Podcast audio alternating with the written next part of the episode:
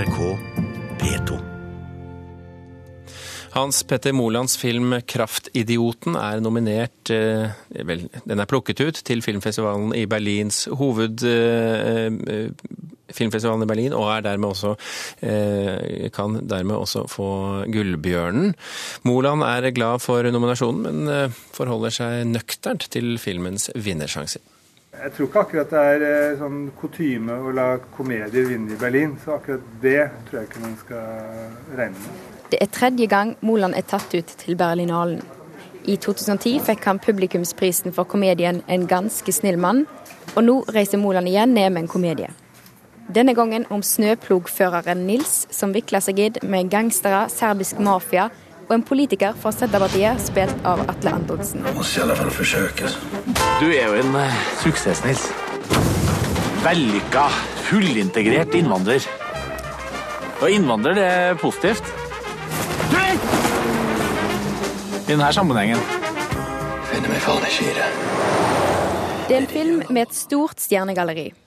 I tillegg til den verdenskjente Stellan Skarsgård og kjente norske navn som Anders Basmo Christiansen og Jakob Oftebro, har regissør Moland fått med seg sveitsiske Bruno Gantz, kjent for store roller som Adolf Hitler i Der Untergang, og for klassikere som Himmelen over Berlin. Gantz, som vanligvis spiller i drama, ble lokka til komedien av humoren i hvordan nordmenn omtaler seg sjøl. What the people are saying about their own country, and that's so uh, self-ironic and funny. And, uh, i det folk sier om Egeland og møtet mellom det og serbisk mafia som selger dop, må jo være morsomt. Gans, som sjøl er en prisvinnende skuespiller, mener Gullbjørn-nominasjonen er svært viktig for promoteringa av filmen, og tror òg den vil slå godt an hos publikummet i Berlin. I think they like it, but you never know. But I think they will like it. Berlinalen starter 6. februar, og Moland lover at det vil stille mannsterke på festivalen. Vi har som motto at uh, minste nasjon, men største delegasjon. Og Kraftidioten har norsk premiere 21. februar. Det var Kristin Forland, reporter, som hadde laget eh, denne saken. Vegard Larsen, programleder for Filmbonanza her i NRK. Er du overrasket over at Moland er plukket ut for tredje gang, faktisk? Eh, nei, det er jeg egentlig ikke. Hvorfor ikke? Nei, altså, Det er tre grunner til det. Altså, det første er at, eller Den ene grunnen er at eh, verdensstjernen Stellan Skarsgård er med. Uh, Stellan Skarsgård er Hollywood-stjerne. Han nyter stor respekt verden over. Den andre grunnen er eh, at Bruno Gans er med, som vi også nettopp hørte fra. Eh, Bruno Gans har en stor stor stjerne i Tyskland eh, og er en av de største skuespillerne hos det tyske kinopublikummet. Og Den tredje grunnen er eh, Hans Petter Moland selv, som er gjenganger i Berlin. Han er en filmskaper med en tydelig signatur og en stemme, og en filmskaper som Berlinalen har trukket, altså trykket til sitt bryst. Du vet, Filmfestivaler liker å finne regissører, for da, da har de på en måte oppdaget de for verdenspublikummet, og Hans Petter Moland har blitt en sånn type regissør for Berlinalen. Men denne filmen som kommer nå, som vi må bare si at ingen har sett ennå, for, eh, traileren kom så sent for en time siden eh, på YouTube. Um, den er ganske lik den forrige, som heter En ganske snill mann, eh, men veldig ulik den første han var i Berlin med. Veldig, veldig ulik A Beautiful Country som han var med i 2004. Eh, Det var et sterkt, sterkt drama eh, som utspilte seg i Vietnam. Eh, Ganske snill mann var en eh, sort ja, crazy komedie, og det er dette her også. Sett en del klipp fra filmen, sett traileren på den. Jeg har vært på opptak, eller vært på sett under opptak. Det er en film som hva skal man si, hører hjemme i Cohen-brødrene-universet, filmer som de lager, eller har noe sånn Tarantinosk over seg.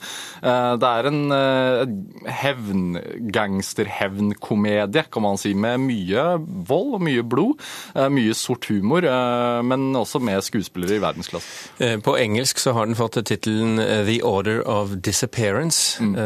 noe som vel sier noe om skjebnen til mange av de som spiller i filmen. Ja, det er vel sånn at Hans Petter Moland har vel fortalt at eh, han har en ekstremt stor cast av den eh, grunn at eh, de skal tas livet av en etter. Eh, Hva slags betydning kan det ha for denne filmen å være med nettopp i hovedprogrammet i Berlin?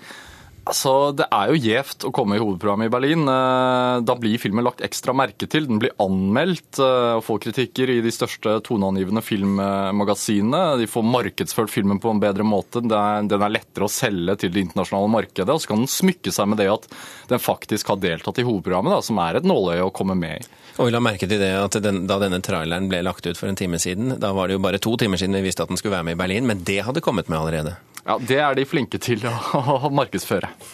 Det er kanskje litt eh, tidlig å si, og, og Moland vil jo selv ikke si noen ting om det, men uh, lukter det gullbjørn her?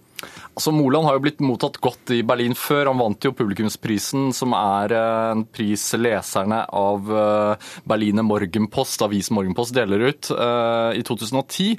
Men det er ytterst, ytterst sjelden at eh, den type filmpriser som det her går til komedier, eh, dessverre.